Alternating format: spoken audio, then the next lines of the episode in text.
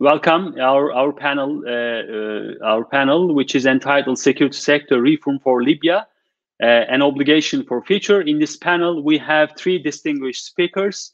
Uh, the first speaker will be uh, Dr. Murat Aslan. He is the author of the Security Sector Reform in Libya, which was published by uh, SETA with the collaboration of CESRIC uh, it's uh, based on field work, and Murat Aslan is going to speak about uh, security sector reform in Libya. And our second speaker will be uh, Salim Raad. Uh, he is the principal security sector reform director of the uh, United Nations in Libya, mission in Libya. And our final speaker will be Dr. Mustafa El Sagezli. He is the general manager of the Libyan program for the reintegration and uh, development. And then we are going to take uh, questions uh, from the audience. Uh, first of all, uh, I'm going to start with uh, Dr. Murat. Dr. Murat, the floor is yours. You have 15 minutes. Thank you. Thank you, sir. well, security sector reform for Libya is really a tough business because you must address many different dynamics uh, include many different things. For instance, social and cultural perception of Libyans. It's a fact, and uh, it makes Libya a sui generis location for having uh, security forces in accordance with the needs of the society. And also history, that means legacy of Gaddafi era, because Gaddafi uh, was an authoritarian leader and uh, he had built a kind of security mechanism that was tiered apart. There was a certain core security forces only to protect or committed to protect Gaddafi, and also some other security forces to defend country, even though they were destined to stay at home, especially after the short wars. So security structure, for instance, let's take police. Police was well, well organized, though the hierarchy that have police under one significant check mechanism was continuously transforming pending to the preferences of uh, Gaddafi regime. What does that mean? That means there must be a culture in a country for security, and Libya was lacking of that. So another dynamic that we had focused on for this project uh, was the revolution itself, because it was a revolution encouraged by NATO, you know that, and NATO assisted it. But unfortunately, NATO excluded itself from the ground as far as Gaddafi regime was toppled down. So what happened? Now we have a huge country, a huge country, and with many different armed groups that were not previously army or military or police forces, but they had organized themselves as civilian. Another issue that then uh, is the anatomy of the revolution. So each province was somehow started their own revolution in the designated area that they are reigning over it. And then we have concluded the revolution, though we had some successes and also failures in this revolution and afterwards. Unfortunately, there was a disinterest of international actors to start a state building effort that will embrace the overall Libya, keep it united, but but they were disinterested and just pursued their interests. What does that mean? That means any country will support whoever the, uh, she wants, tending to the interests, perceived interests. On the other hand, there's another reality for any security director. It is threat and risk analysis. If you want to build an architecture to protect country, you must be aware of what the risks are and what the threats are and it was lacking. That means nobody uh, had an assessment about it. So we have provincial or regional military or armed groups. Uh, police was totally under the municipalities and no central hierarchy for that, and a dispersed structure. So that means what? Insecurity or destabilization. So uh, under the cloud of all these concerns, uh, we had uh, investigated what the security structure is, the current one, what the needs are, and what the security architecture ought to be. By that way, there was a kind of comparison with the past, current, and the future, and we tried to establish alternative courses to reach not only one course or option, but many, but we graded each of them pending to their uh, availability for the threats and risks. But threats and risks are not only about external ones. For instance, uh, armed groups themselves are a kind of risk for internal stability because they are competing. On the other hand, we know that uh, there was a Daesh in the region and okay, they are underground right now, not that much effective, but we know the nature of terrorism, so we must care that reality.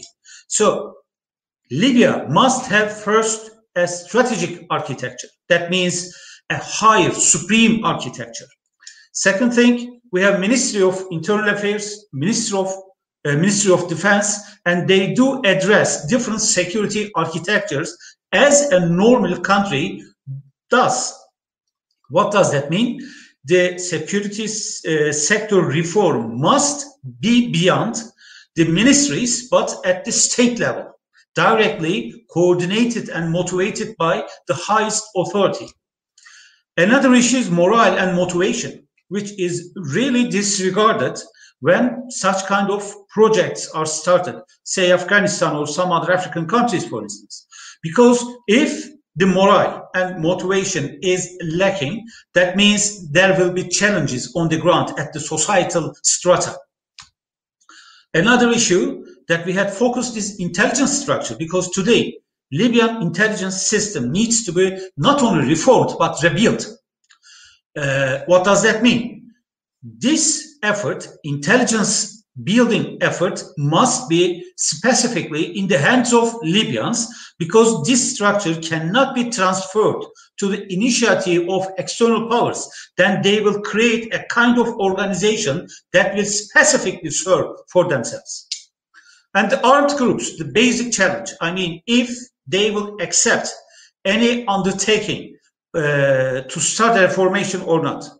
And we had uh, gathered many workshops with many Libyans, including leaders of some armed groups, and they were actually ready to, you know, uh, leave the arms, start a civilian life, but the, they claimed the conditions.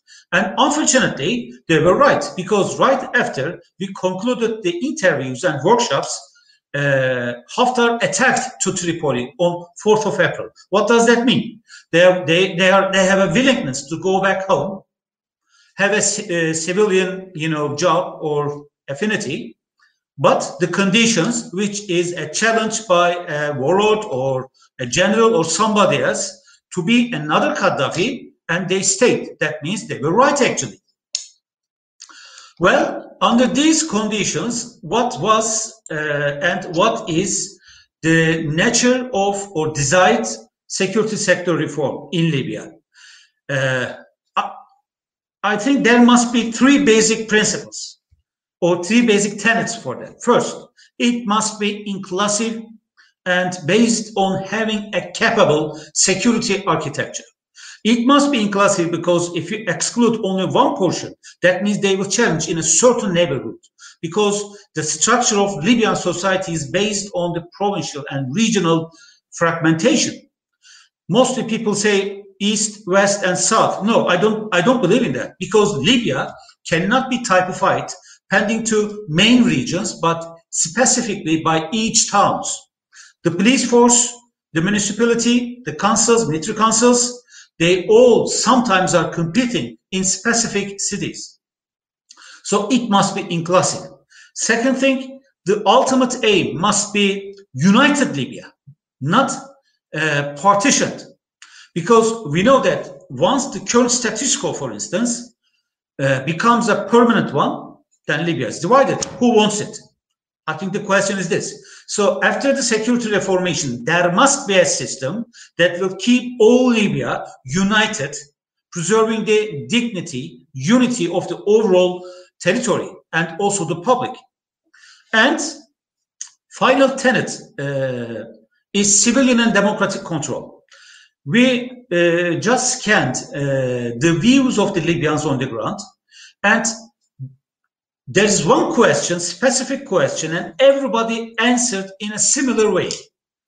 No exception. They said, we do not want another Gaddafi because the revolution was against Gaddafi, against authoritarianism. So if we have one more or another, then, okay, uh, what has changed? So it must be civilian, it must be democratic. And the norms must be you know, observe the culture and social structure of Libya, but it doesn't mean that we will downgrade from the democratic standard standards, which is uh, universally, you know, uh, recognized. And the principles, we discussed this issue with many experts all over the world. Okay, civilian and democratic control, that, that's the number one, sounded everywhere. But there's another issue that's very important. It's political commitment and decisiveness. Because once there's a willingness of the political authority, then it is, okay, achievable. If any, but any force in the political, at the political level impedes it, stops it, that means no. That means we will have a problem in a certain location because of the structure of the society. Another issue is rule of law or appropriate codification. Uh, and this is essential because if everything is just by words, then it's just like an air. You can breathe once and later then nothing. So there must be a legal amendment to start a security sector reformation. And by this amendment, reformation itself must be institutionalized not only the security sector, but the reform itself. That means if you remove one individual from the circles of the reformation body, then this circle must go round. That's, that's really essential for uh, Libya. And the issue is loyalty to Libyan state, not external powers, not, you know, any private company, not a certain segment of society, but the overall state, the overall public. So this is actually a defining nature. Another one is transparency and accountability. If one is in charge of, say, for instance, Uh, general staff or army or intelligence, democratic institutions must ask questions on why you did it. Otherwise, we will have micro level authoritarian leaders. Another one is professionality. That means we do want an army, an intelligence, a border security appropriate for the missions that will be implemented on the ground in terms of age, in terms of education, training, in terms of, you know, professional understanding while, uh, you know, implementing the mission.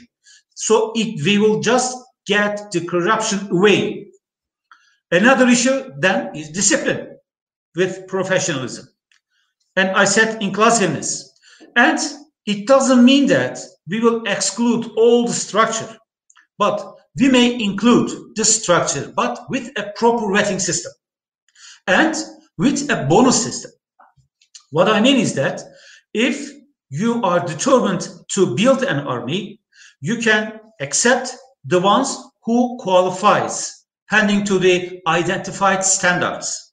By that way, everybody will question first himself or herself and say, okay, I'm appropriate for the army. If not, you can just pay a bonus or offer a position in a different segment of the uh, state, or you can just persuade them and let them go. Because if you sacrifice qualifications, the same type of desecuritization in Libya will keep continue. And institutionalization of the security structure overall.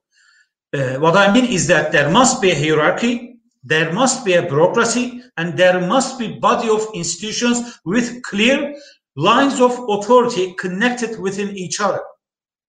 And if you remove one signal, uh, single individual, Okay, no problem. You can replace it or her. Technology and having an asset rich system, which is really smart because Libya is a huge country. you can't have individuals, uh, you know, only to observe what's going on in terms of security. And technology will first ease security efforts. Second thing, there will be a check mechanism that corruption will be prevented. And at the meantime, technology means no gap in terms of human fault. And there must be inspection mechanism.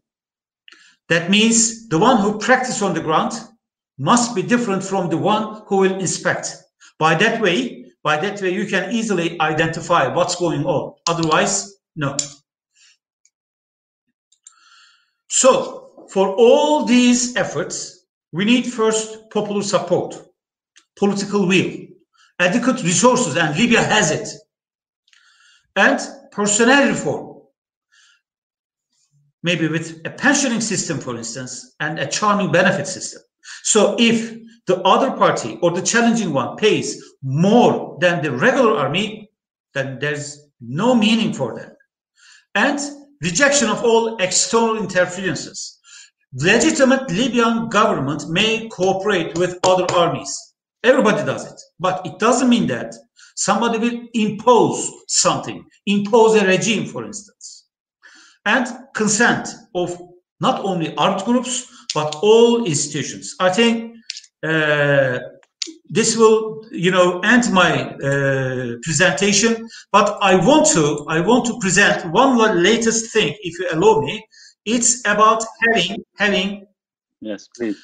Uh, security strategy and policy for Libya. This is the first issue. Second thing, there must be a vision. So we drafted a vision in our research.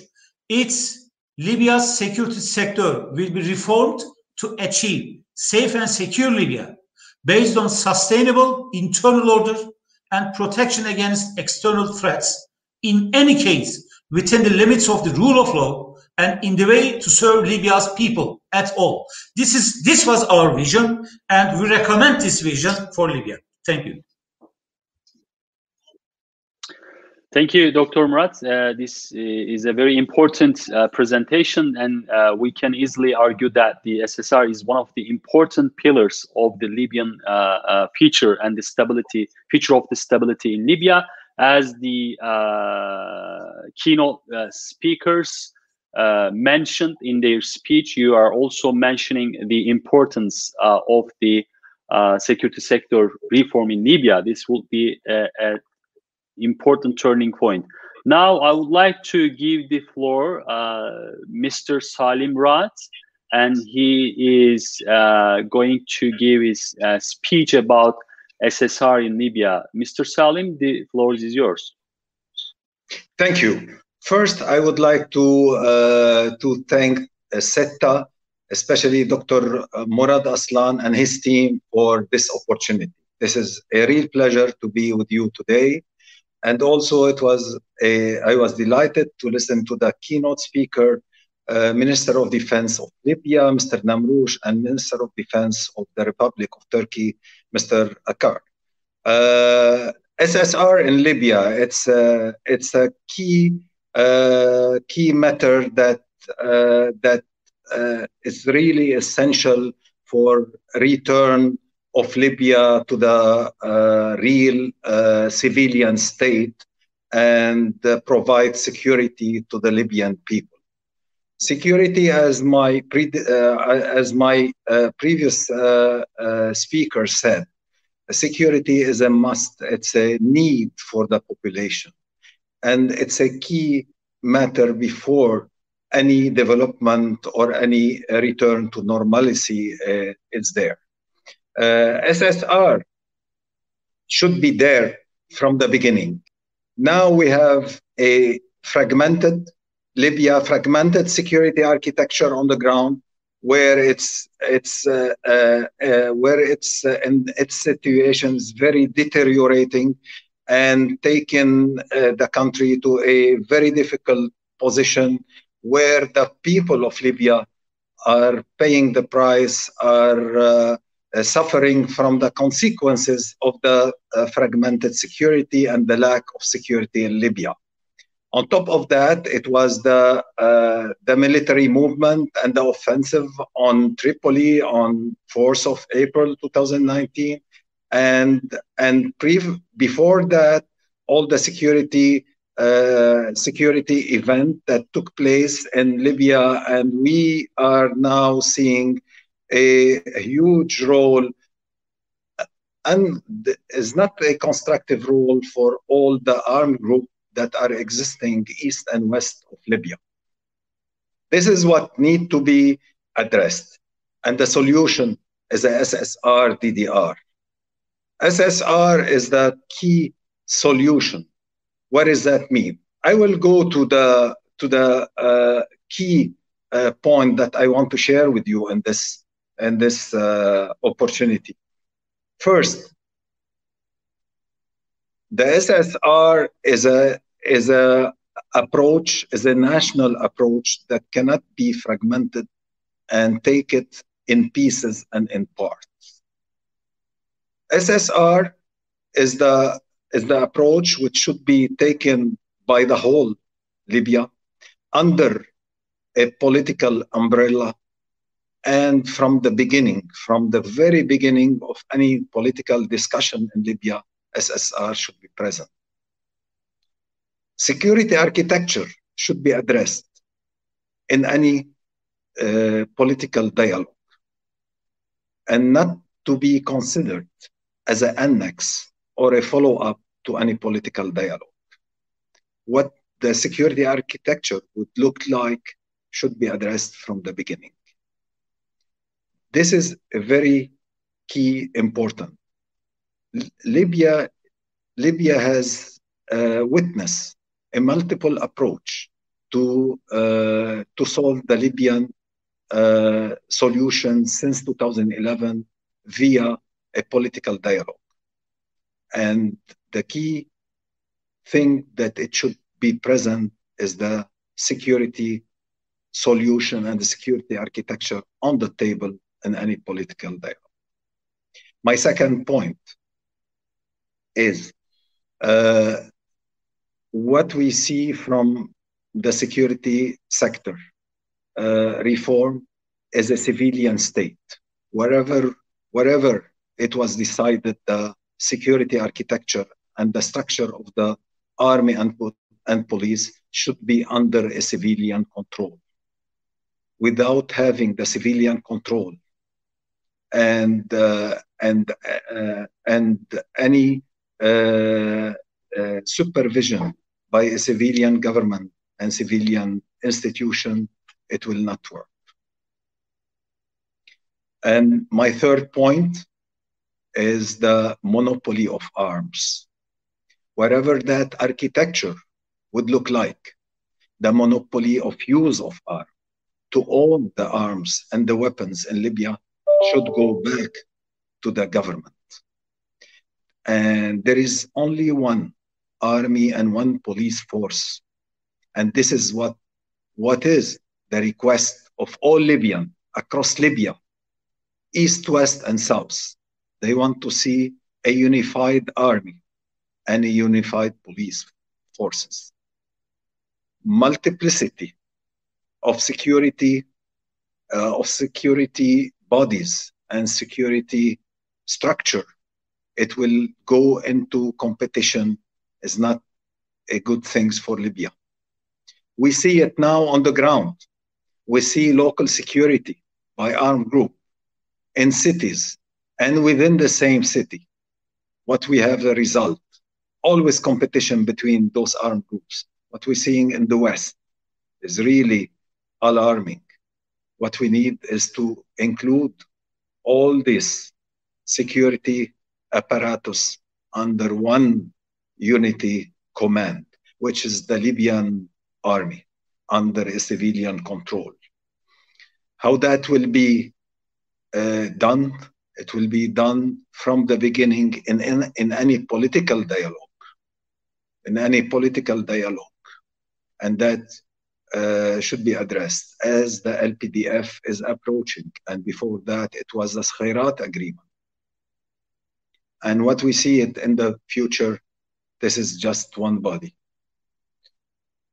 What we see also that is needed for the for the security sector reform in Libya, that it should be done in conjunction, hands in hands with the robust DDR. That is really crucial. You cannot separate those two processes from each other. I mean, there is a lot of uh, element within the armed group which need to be reintegrated into the government institution, not only the army and the police, but all the government. The army and the police, they have their condition for receiving the uh, armed group element individual. And that this is the key thing. Between DDR and SSR, we don't want we don't want to forget there is no security vacuum to be there at any moment. Any security vacuum created or allowed, it will be a safe haven for the terrorist group, ISIS or else, that can fill that gap. It's a key then to have a well coordinated a uh, process between DDR and SSR under a national approach. SSR and DDR cannot be done in one city, in one region. It should be national approach. That's why unification of the army is a key element also for the SSR. Unification of the army is important.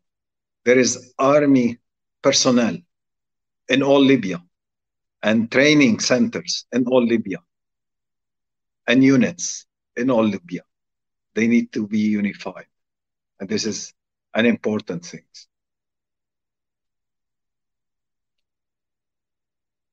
What is the approach to the SSR? SSR is a long and laborious and time consuming process. No SSR, no building of the army can be done in one month, six months, even one year. You need years to build the army. What's the solution? Here, I will come to you and say we have two approaches a bottom up approach and a top down approach. What does that mean?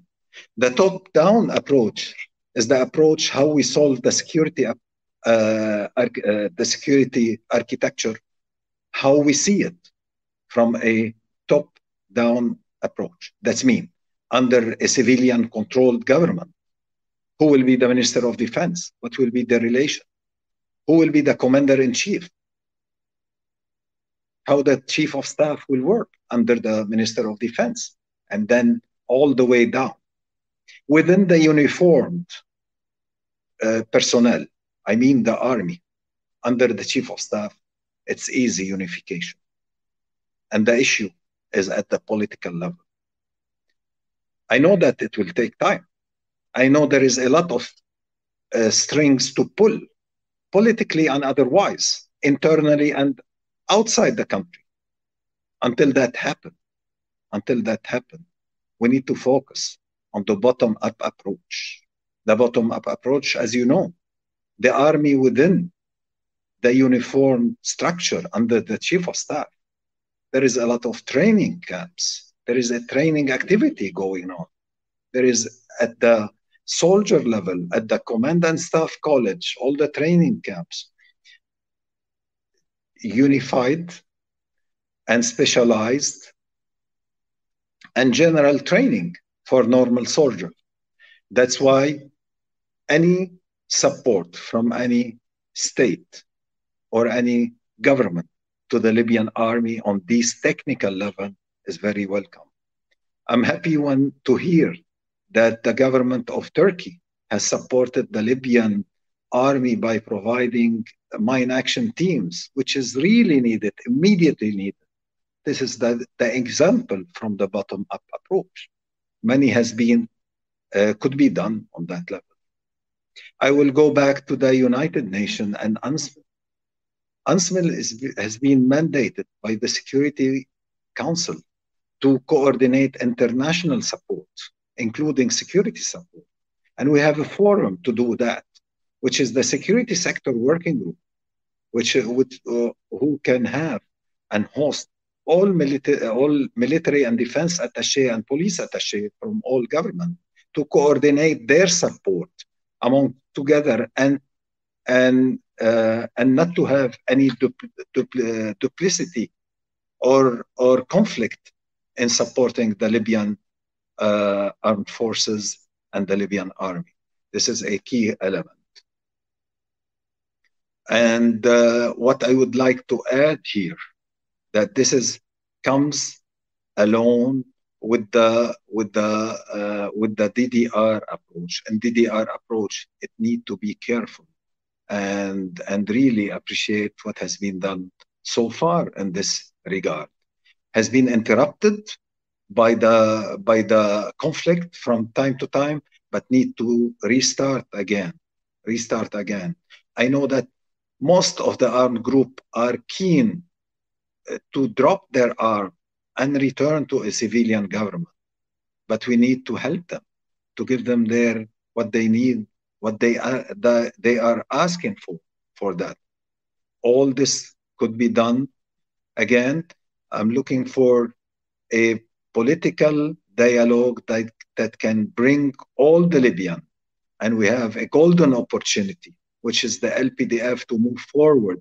What has been done last week in Tunis, it I know it's it need it it needs more work to be done. We are here to do that. And before that, an important event happened, which is the ceasefire agreement signed signed in Geneva on 23rd of October. This is a historic this is a historic uh, uh, ceasefire agreement which put an end, which put, with, which put an official end for all hostilities in Libya. After a devastating conflict for almost 16 months, we had a peace now in Libya. We, the, the, gun, the gun are silenced. And it, according to a ceasefire agreement signed by the two forces on the ground, the two major forces on the ground, which we see them. And the focus will be in implementation in the center where the confrontation line is in the center of Libya. That will allow a peaceful return to the normal state, civilian state in Libya. And that will open the door for any security sector reform in Libya. I will uh, end here and will be happy to take questions. Thank you all for listening to my presentation. Thank you, uh, Mr. Salim, for your presentation. I think uh, uh, you have many difficulties in terms of uh, security sector reform uh, and in Libya, and hope uh, everything will go well in terms of the you know dynamics in the context of Libyan political process. Now, uh, I would like to give the floor Dr. Mustafa uh, Sagezli. Uh, Do Dr. Mustafa, the floor is yours. Uh, thank you, Dr. Murat.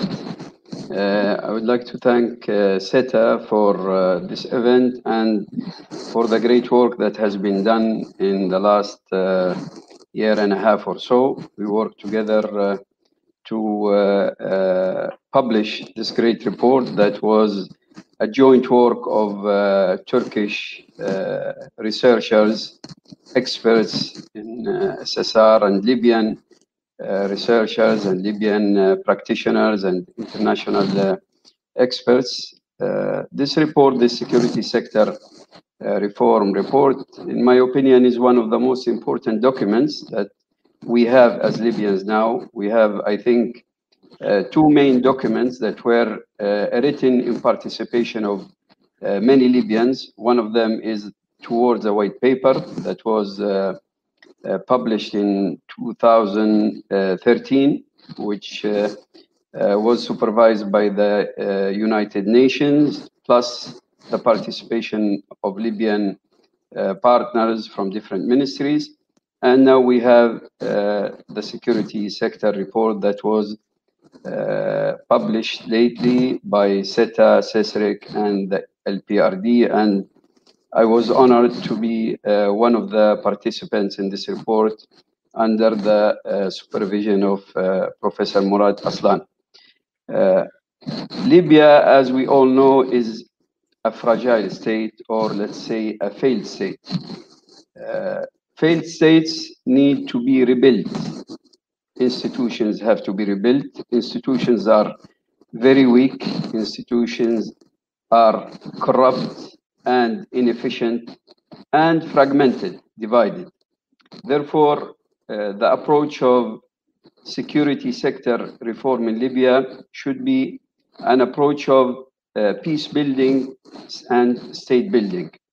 Uh, the first step in towards cure is the right analyzing of the illness. Uh, we have to uh, analyze the current situation very well in Libya, uh, the failure of the different institutions, the conflict, the fragmentation, in order to be able to find solutions. And this was the approach that we have used in the research. From the first day, we decided that uh, this research should analyze the situation very well in Libya, then provide not only uh, recommendations, but solutions, solutions that can be implemented.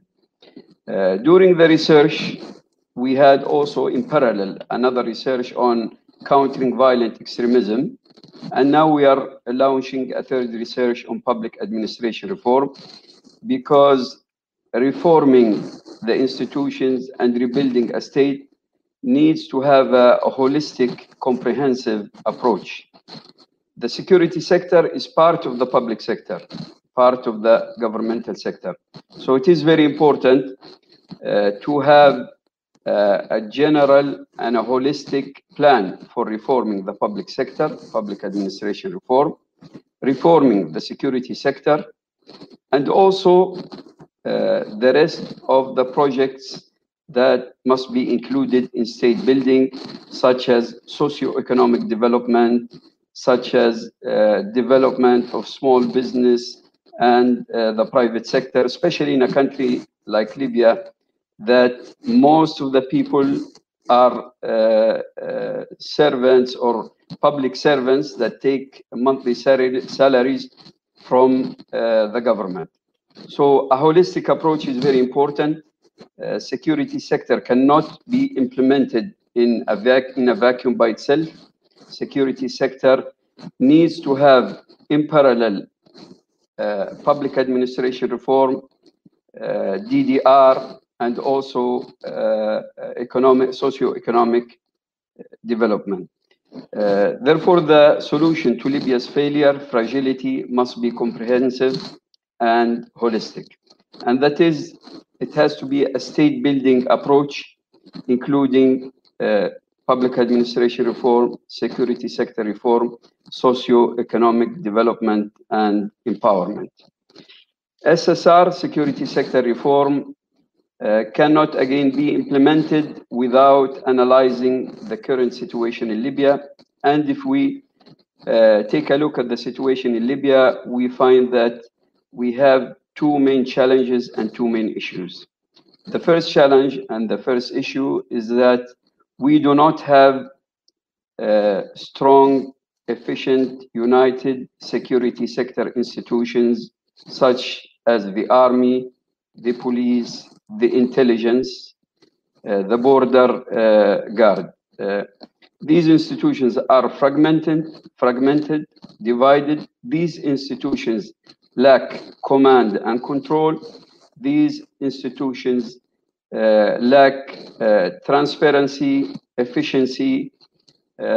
We can say that many of these institutions don't have from uh, a security uh, sector view, except the name. Many of them, uh, they have the name, but when you uh, dig deep inside these institutions, you find out that these institutions are not uh, uh, strong institutions or efficient institutions.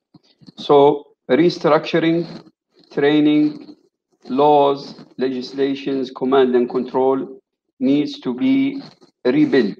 And I prefer the word rebuilt or maybe reform in its uh, English meaning rather than islah in Arabic, which uh, means uh, reform but in a soft way or uh, trying to revive whatever you have. What we need in Libya is not reviving what we have. We need to rebuild our institutions.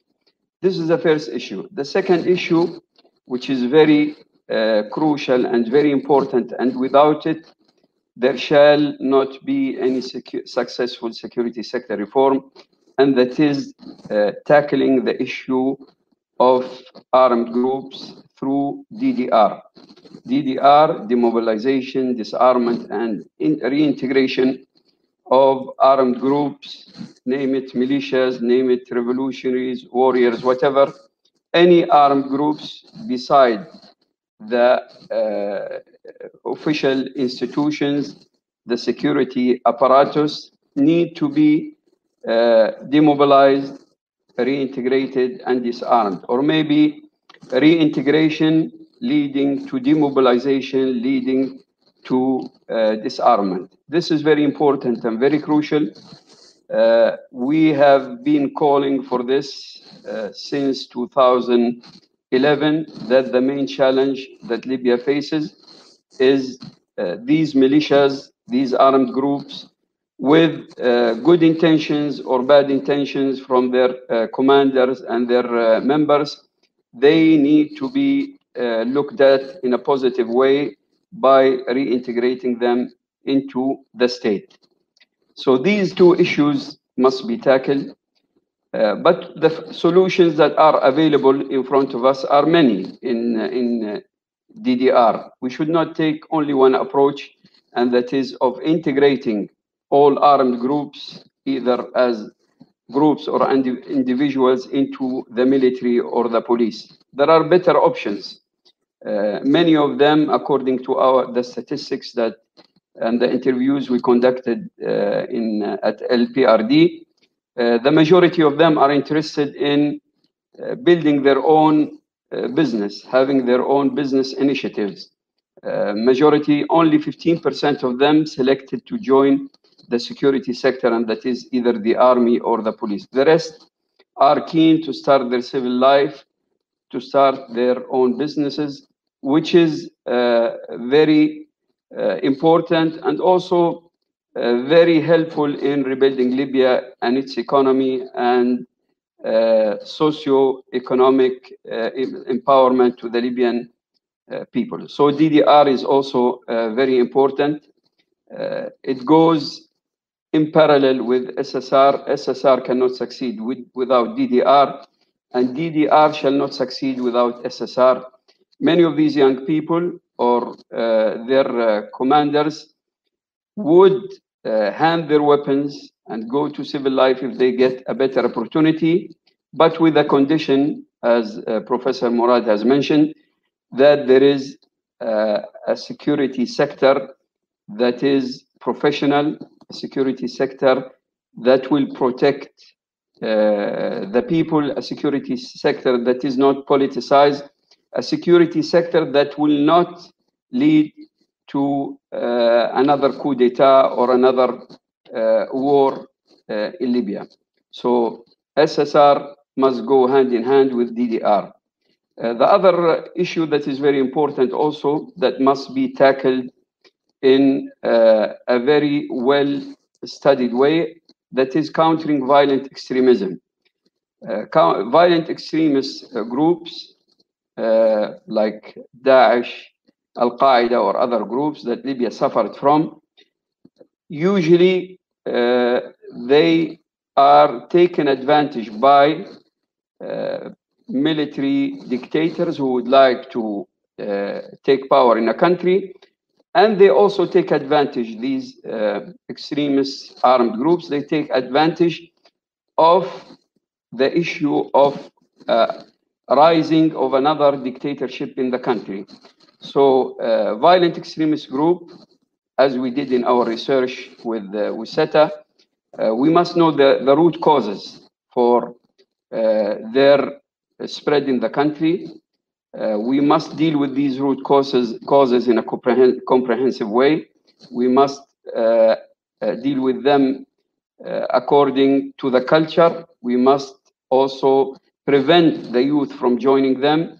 We must also deal with them in an intelligent uh, security uh, plan that can get rid of them rather than uh, dealing with them in ways that can empower them. So SSR, DDR, and CVE go hand in hand. Also, uh, my last uh, point would be around the importance of socio-economic development and especially SMEs, small and medium enterprises and entrepreneurship. Uh, going through all the studies that were done around DDR, around SSR, and around CVE, the main solution for DDR is providing youth with small business and entrepreneurship. Therefore, uh, our state and our government and the decision makers must provide youth with uh, initiatives, incubators, funding to allow them to start their own uh, business in order to move them from arms to uh, small business and economic development. Also, in public administration reform and SSR, uh, many people uh, would have to find another job or another uh, option rather than being part of the security sector that is overcrowded or part of the public administration that is overcrowded. And the only venue for them would be the private sector, small business, entrepreneurship. And also when it comes to countering violent extremism, according to our study, many of these young youth join these extremist violent groups or criminal violent groups because they don't have another option. They don't have a better option. They don't have uh, a future or uh, a job or a small business that they can involve themselves in and see uh, a better future uh, through it. So socio-economic development, and luckily in Libya, uh, we are a country that doesn't lack resources, neither financial resources, nor opportunities in the economy, uh, in different sectors uh, of the economy.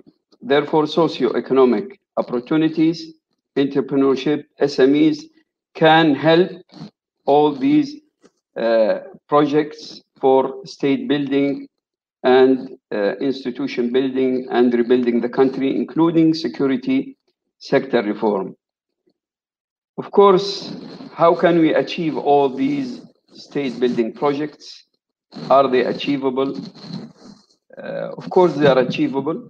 We need to raise awareness amongst the youth, amongst the Libyan public on these issues people must understand that security sector reform is essential in rebuilding Libya, secure, prosperous Libya, and that rebuilding such a security sector will take years.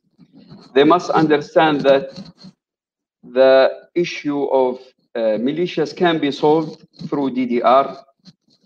Raising awareness among the Libyan people on this issue and the youth is very important. Countering violent extremism also has its solutions and the root causes can be dealt with. And they must also understand that socio-economic development, work, uh, uh, the culture of, uh, of uh, small business, the culture of entrepreneurship, the culture of working, vocational training, and so on, is important in rebuilding their future and rebuilding the Libyan state. Uh, it is achievable and it's possible. It needs efforts. It needs unity. And most of all, this vision should be adopted by our decision maker, makers, our politicians, our governments, and also our partners, UN, UNSMIL, Turkey, uh, our European neighbors, whomever is willing to uh, support Libya, support rebuilding the Libyan state, its institutions, should have a pitch and should support such projects of SSR, DDR, CVE, socio-economic development uh, for the youth.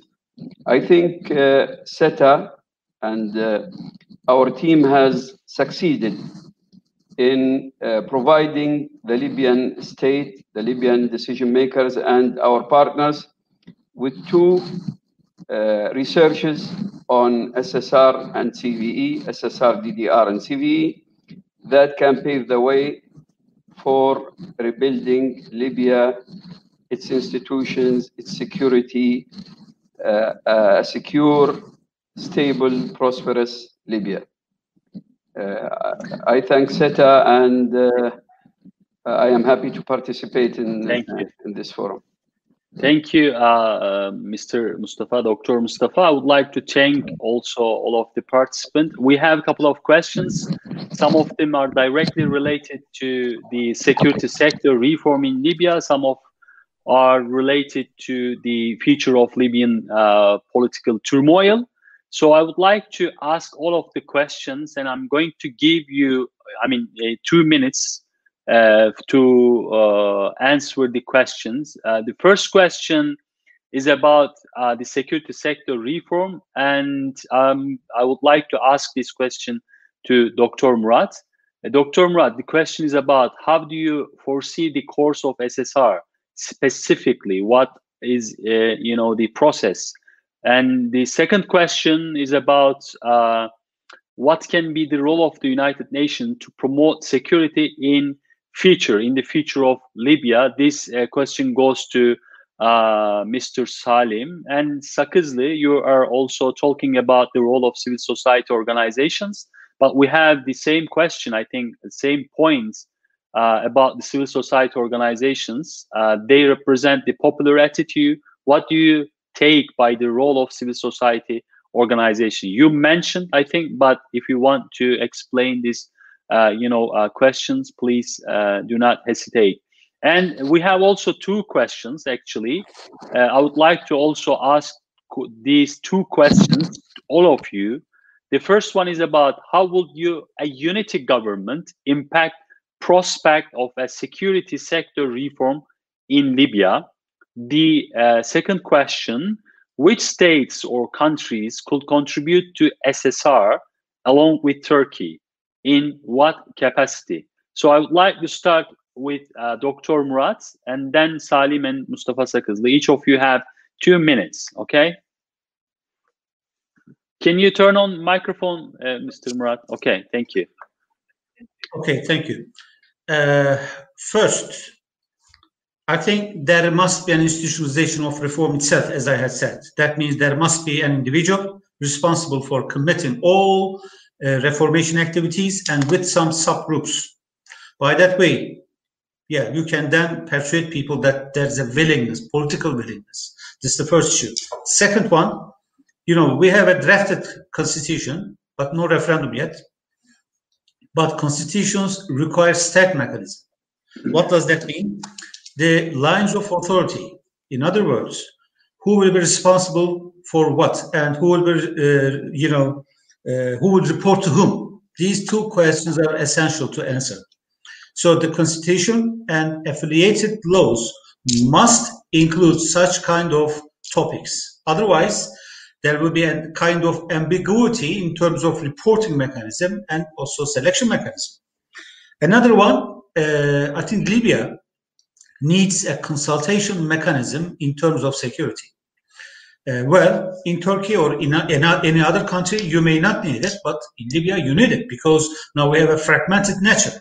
Well, they may not have an authority, but this consultation process at least may have the different contradicting interests come to a certain line at the minimum level and by that way it may provide stability mm-hmm. Mm-hmm. another issue is about force structure there are options for that and all all issues like intelligence border and coastal security we have options and we you know depicted them for instance is it going to be as military zones regular army or a joint army. If it's military zone, it inspires the current structure and also former Soviet term. On the other hand, if it's regular army, well, you will have army, air force, navy, or police structure under MOI, Ministry of Inter uh, Interior. But if you have joint structure, it's really expensive. That's why the United States spent much more money than the other countries because I believe that uh, the U.S. obtained the you know uh, the same benefit from the army as the other countries does, but spent more. Not logical. Mm-hmm. This is my perception. So it must be a feasible solution to have an army in terms of human, cost, and also durability. Mm-hmm. Finally, we have two issues. Uh, lastly, it's about personnel reformation. Uh, we have identified six step approach. That means there must be a phased approach towards uh, personnel reformation, and it's one of the critical issues, and also logistical reformation, which I call it as WEAL. That means weapon, equipment, asset, and logistics system. Because uh, now Libyan army does not have inventory.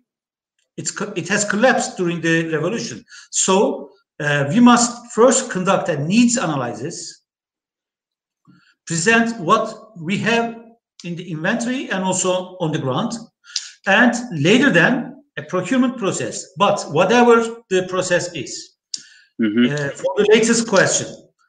I do not see any kind of profit for the Libyans to have a foreign company assume SSR as a mm-hmm. kind of job. If once a company does it, it doesn't make any sense because it's the same as Wagner.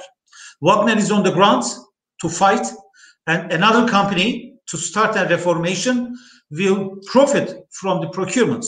So it must be purely Libyan driven, but there must or there may be consultations with the other nationalities. So this is my view. Thank you. Okay, thank you. Uh, Dr. Mustafa? Uh, yes, uh, Dr. Murat, concerning the role of uh, civil society organizations, uh, it's very important. You know, one of the main challenges that uh, we faced in our DDR program before the civil war er erupted in 2014 was the understanding of the people. Uh, you have to explain to the people what does SSR mean you have to explain to the people that we need to rebuild an army, we need, we need to rebuild our police, and it's a long process uh, that takes time. You need to include them, inform them, because you know the general uh, population might think that okay, we have an army, we have a police. Uh, these militias, we can just order them, okay, give us your weapons and go home, as people used to say.